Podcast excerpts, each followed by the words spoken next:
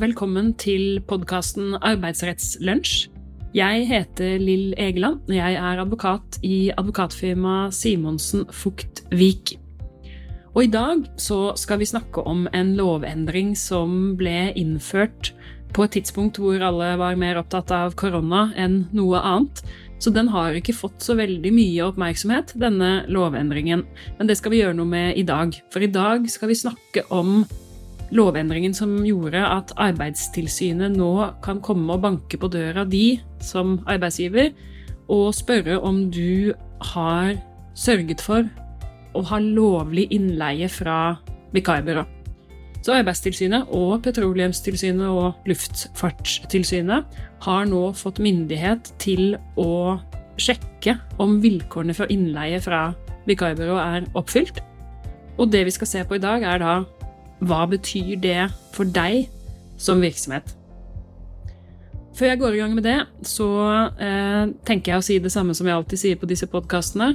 Du lærer best når du er ute og går. Det er ikke, noe, det er ikke tull, det er forskning. Jeg eh, lagde, begynte jo å lage denne podkasten fordi jeg tenkte at eh, det kunne være fint å ha en podkast nå som alle satt hjemme og, og, tenkte på um, korona og ikke kunne være på kontoret. Nå er vi over det.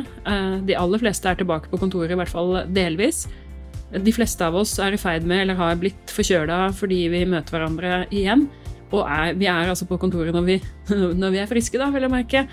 Men der kan du også gå på tur. Eh, ta med deg denne podkasten og ta en lunsjpause, eller strekk på bena. Da lover jeg deg at du også får med deg mye mer av det som, som blir sagt. Ok, la oss se på dette temaet, da. Um, du kan jo begynne med å tenke deg situasjonen, følgende situasjon. Du er en HR-sjef eller en en leder med, med, ansvar for eh, mange ansatte, og så får du plutselig en telefon fra resepsjonen, fordi du er jo på kontoret. Og resepsjonen sier Arbeidstilsynet står på døra, og de sier at vi må fremlegge en oversikt over alle som er leid inn eh, fra vikarbyrå, og så må vi fortelle hvorfor innleien er lovlig fra, for alle disse menneskene. Hva, hva skal vi gjøre? Og da sitter du jo der da, på pulten din og tenker hva, hva, gjør jeg nå? Og det er kanskje flere tanker som melder seg. Eh, hva er det som skjer hvis Arbeidstilsynet nå kommer inn og ser at kanskje ikke vi har så god kontroll på innleien som vi burde ha? Kanskje eh, noen av disse innleiene fra vikarbyrået faktisk ikke er lovlig? Hva skjer, skjer, da i så fall? Får vi, får vi bot? Får disse ansatte krav på fast ansettelse? Eh, hvordan skal jeg forholde meg til dette tilsynet? Og så er det jo selvfølgelig som regel ikke sånn, da, at uh, i disse innleietilsynene at du vil få uanmeldt tilsyn fra Arbeidstilsynet eller Petroleumstilsynet eller Luftfartstilsynet. Litt avhengig av hvilken virksomhet du driver, så, så vil et av de eh, være de relevante tilsynene. Og det er jo ikke sånn eh, som hovedregel at de vil stå på døra som hovedregel i de tilsynene som vil knytte seg til vilkårene for innleie, så vil du få et brev eh, fra tilsynet med en rekke spørsmål som du skal forberede deg på, til de eh, kommer. Eventuelt så kan det også tenkes et skriftlig tilsyn. Men, men spørsmålet blir jo det samme. Eh, hvordan forholder vi oss til dette? Hva er det vi kan gjøre for å forberede oss, og, og hva bør vi tenke? Og når jeg sier hvordan bør vi forberede oss, så, så er det klart at dette er jo ikke et tema som du som selskap skal tenke på bare fordi det kan hende at Arbeidstilsynet eller Petroleumstilsynet står på døra, eh, eller kommer med et brev. Dette er jo selvfølgelig et tema som du skal ha kontroll på, uavhengig om du får tilsyn. For det første så må du jo sikre at du har lov til å leie inn fra et vikarbyrå. Det må du uansett om det er et tilsyn som sjekker deg eller ikke. Du skal følge loven. Eh, og det samme gjelder eh, plikt til å ha rutiner som sørger for at du overholder loven. Og nå er vi jo på det metaplanet som HMS-regelverket er på, hvor man sier at eh, en av de pliktene du har til å sørge for et eh, fullt forsvarlig arbeidsmiljø og, og, og overholde HMS-pliktene dine, det er å ha rutiner som eh, gjør deg i stand til å følge alle bestemmelsene i loven til enhver tid. Og jeg tenkte nå, når vi skal ta det, liksom en gjennomgang av dette med tilsyn på innleie, så, så skal vi ta for oss begge disse, eh, begge disse, temaene. For det første, hva er det som skal til for at er Nei, for at innleie er lovlig? Og for det andre, hva er dette kravet om rutiner for å sørge for at man har kontroll på innleien? Hva er det sånne rutiner skal inneholde? Og det siste jeg tenkte å, å snakke om helt på slutten, det er hva er det Arbeidstilsynet kan gjøre da, eh, hvis eh, de finner ut at det ikke er som det skal i din virksomhet. Men la oss begynne med hva er det egentlig som skal til for at du skal få lov til å leie inn fra et vikarbyrå? Og der skal jeg fatte meg eh, litt i korthet. Det er jo et stort tema i seg selv, dette med vilkår for innleie. Og jeg har snakket om det før også, og kommer sikkert til å snakke om det igjen. Men det å leie inn fra et vikarbyrå, det er jo et unntak fra hovedregelen i norsk rett, som er at når du skal ha arbeidskraft, så skal du ansette arbeidstakere fast i virksomheten. Og så er da innleie et av to veldig praktiske unntak. Det andre praktiske unntaket er adgangen du har til å ansette midlertidig direkte i virksomheten. Og fordi de to eh, er to veldig praktiske unntak, innleie fra vikarbyrå og midlertidig ansettelse direkte, så er det helt de samme reglene som gjelder for begge de to situasjonene, med et bitte lite unntak for midlertidig ansettelse. Men, men for alle praktiske formål så er det de samme vilkårene som gjelder. Og de to praktiske vilkårene, som vi også har snakket om før, det er for det første så har du lov til å leie inn fra et vikarbyrå hvis du har et arbeid som er av midlertidig karakter. Eh, og, og, hva betyr det, da? Altså, er det nok å si at noe er organisert som et prosjekt? Nei, det er det ikke. Du må spørre deg på et sånn helt overordnet uh, nivå. Er dette arbeidet som nå skal utføres, noe som jeg klarer å definere begynnelsen på? Og klarer jeg å definere slutten på dette arbeidet? Trenger ikke ha en dato for når det slutter, men du må være i stand til å si at når forhold X, Y og Z er oppfylt, da er eh, dette prosjektet eller dette arbeidet ferdigstilt.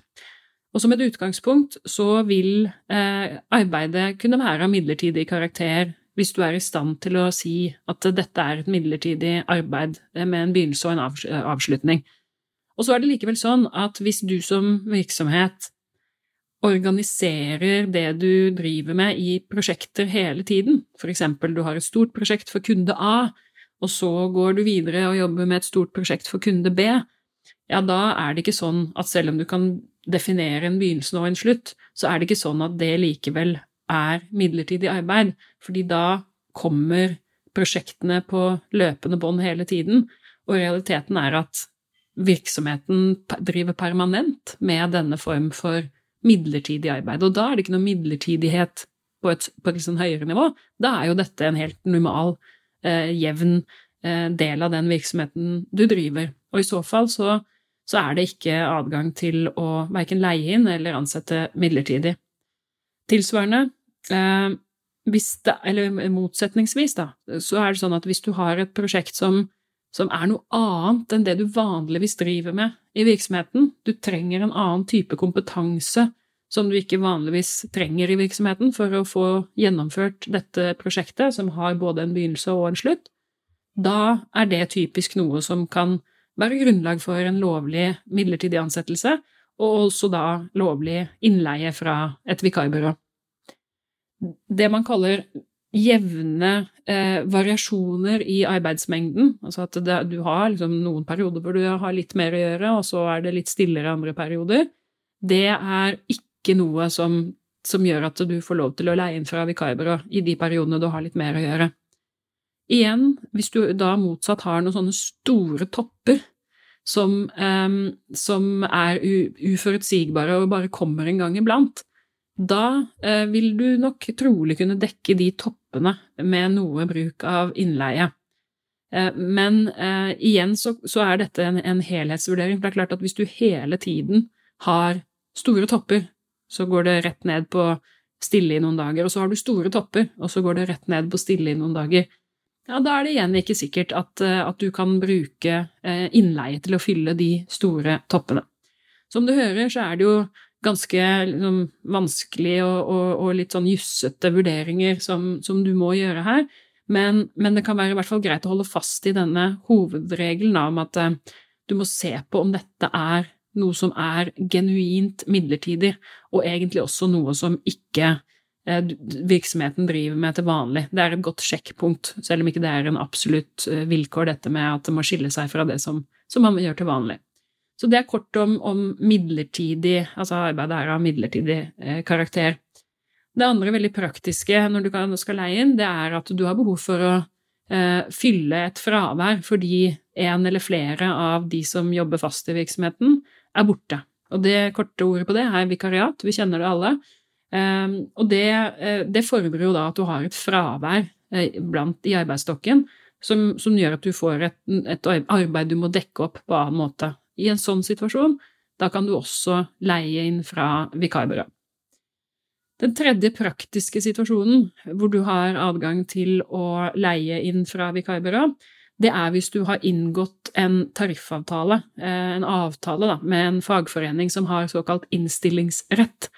Og det dreier seg om fagforeninger med, med en viss størrelse eh, som, som, har adgang til å gjøre det. Er du i tvil, så, så sjekker du nærmere hva dette med innstillingsrett betyr, men, men, du kan altså ikke inngå en sånn type avtale bare med den lokale husklubben din Eh, uten videre.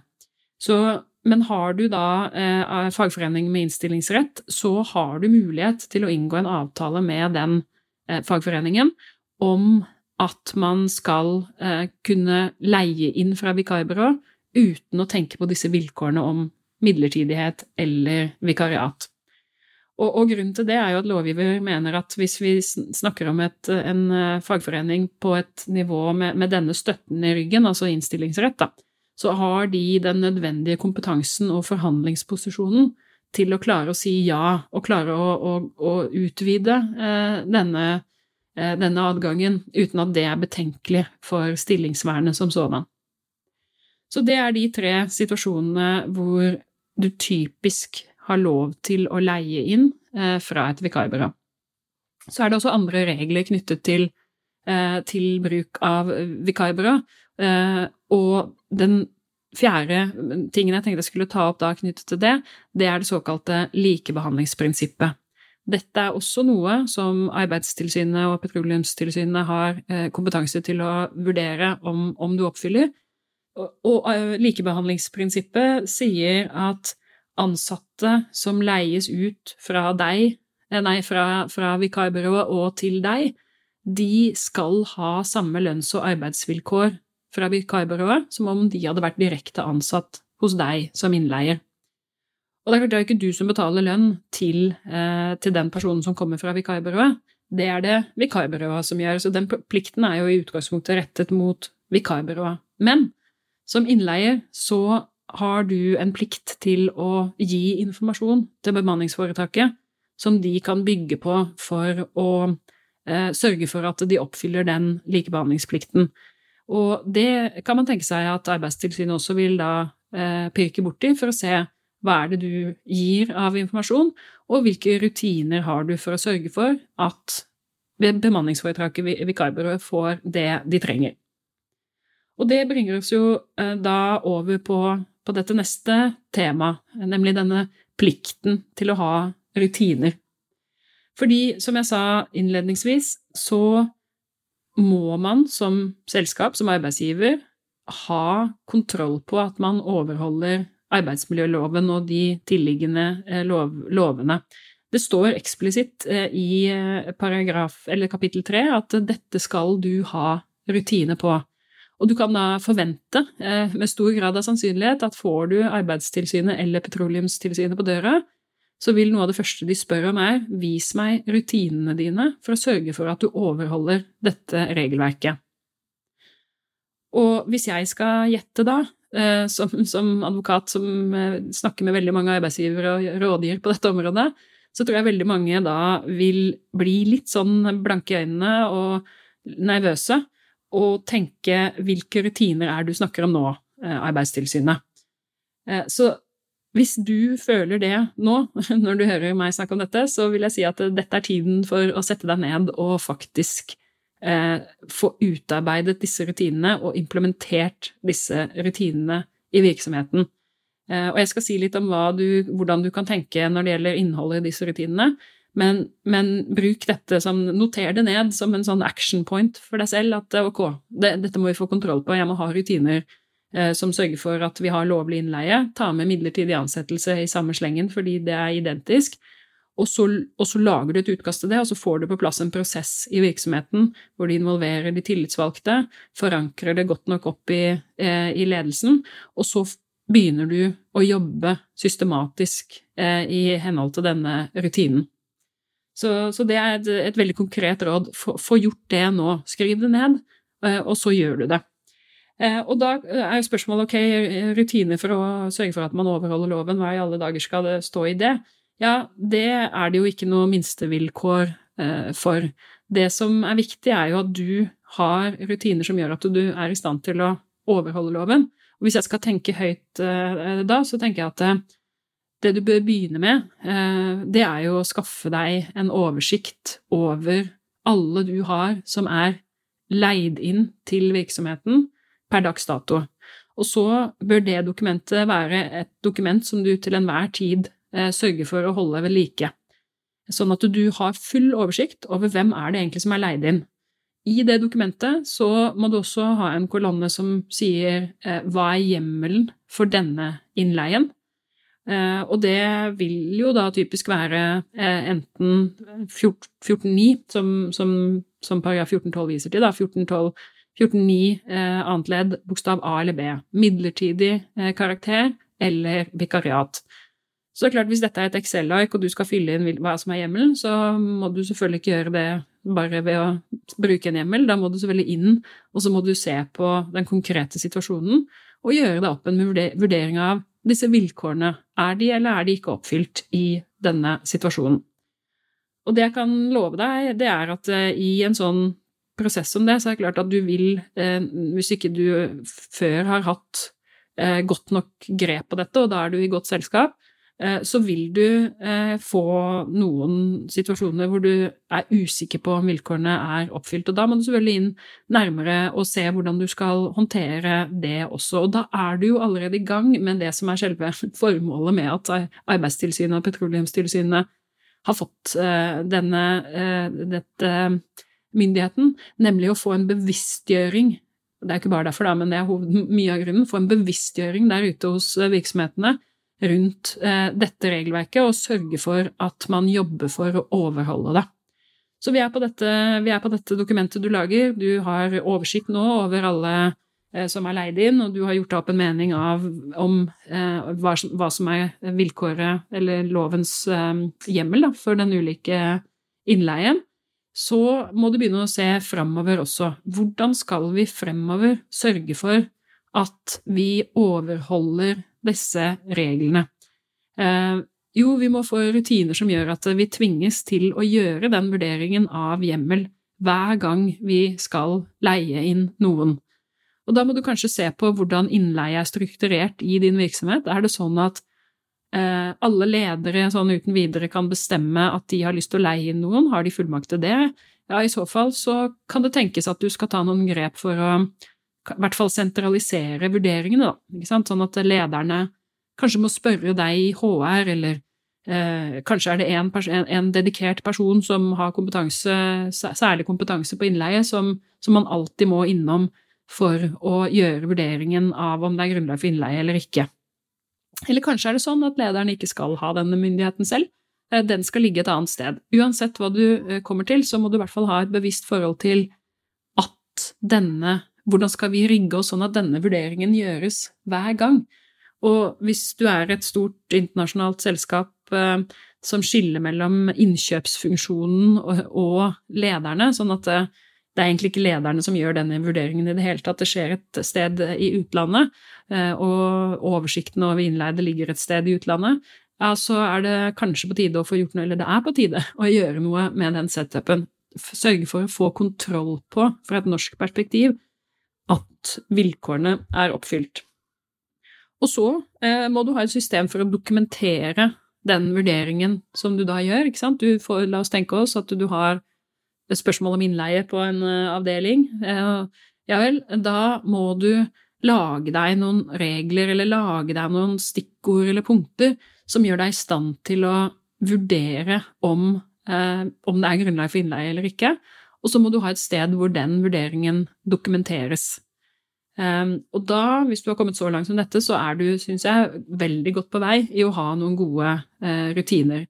Det du også kan tenke på i disse rutinene, er om du skal, uh, og det tror jeg er en god idé, sørge for å ha opplæring av alle ansatte som uh, skal stå for disse vurderingene, sånn at de er godt kjent med hva er det egentlig som skal til for å leie inn fra vikarbyrå. Og i rutinene så tenker jeg også at du skal eh, sørge for å oppfylle plikten til å drøfte bruken av innleid arbeidskraft minst én gang i året, sånn som eh, loven krever at du skal. Så det var noen eh, liksom overordnede tanker om, som kan kanskje kickstarte den jobben som du nå allerede har skrevet opp at du skal gjøre, nemlig få på plass disse rutinene, eventuelt hente fram rutinene du har, og kanskje forbedre dem. Og så håper jeg at, eh, at, det er til nytte, og at du kommer et steg videre med det, at å være fullt ut compliant, både hvis Arbeidstilsynet ringer på, og hvis de ikke ringer på. Helt til slutt så eh, bare noen korte ord om ja, hva kan Arbeidstilsynet gjøre, da, hvis de har vært hos deg, du hadde rutiner, eller kanskje hadde du det ikke, og man eh, har uansett funnet ut at eh, ganske mange av de som sto på lista di og innleid, de var det ikke noe hjemmel for å leie inn. Hva skjer da? Kan Arbeidstilsynet da bestemme at uh, disse innleide de skal nå få fast ansettelse hos deg? Nei, det kan Arbeidstilsynet ikke bestemme. Det er veldig tydelig når man innførte denne loven om, om at denne myndigheten skal legges til Arbeidstilsynet og Petroleumstilsynet, så var det veldig tydelig at det må gå et skille fortsatt mellom det man kaller privatrettslig og offentligrettslig håndheving. Da. Og med privatrettslig så mener man eh, det at en arbeidstaker f.eks. kan kreve fast ansettelse, eh, det er typisk privatrettslig. Det går på kontrakten mellom, eh, mellom innleier eh, og, og arbeidsgiver. Og så, sånn at hvis noen av disse innleide vil kreve fast ansettelse av deg fordi vilkårene ikke var oppfylt, ja, da må de gå til søksmål mot deg og kreve det. Og da er ikke domstolen bundet av hva Arbeidstilsynet eller Petroleumstilsynet har ment om lovligheten. Men det Arbeidstilsynet og Petroleumstilsynet kan gjøre, eh, og vil gjøre hvis, de, hvis du ikke oppfyller loven og, og vilkårene, det er at de vil gi pålegg til deg om at eh, denne innleievirksomheten skal opphøre. Eh, og da, da, vil du få et brev, og så vil det stå at innleieforhold sånn og sånn er ikke lovlig, og den innleien må opphøre. Og da må jo du ta stilling som selskap til hvordan skal, den, hvordan skal jeg oppfylle dette pålegget. Uh, skal jeg avslutte det innleieforholdet? Det blir i så fall et spørsmål også om kan jeg det i forhold til kontrakten jeg har med bemanningsbyrå. Men skal jeg avslutte det innleieforholdet, eller skal jeg eventuelt ansette denne personen fast fordi jeg trenger faktisk denne personen eh, videre?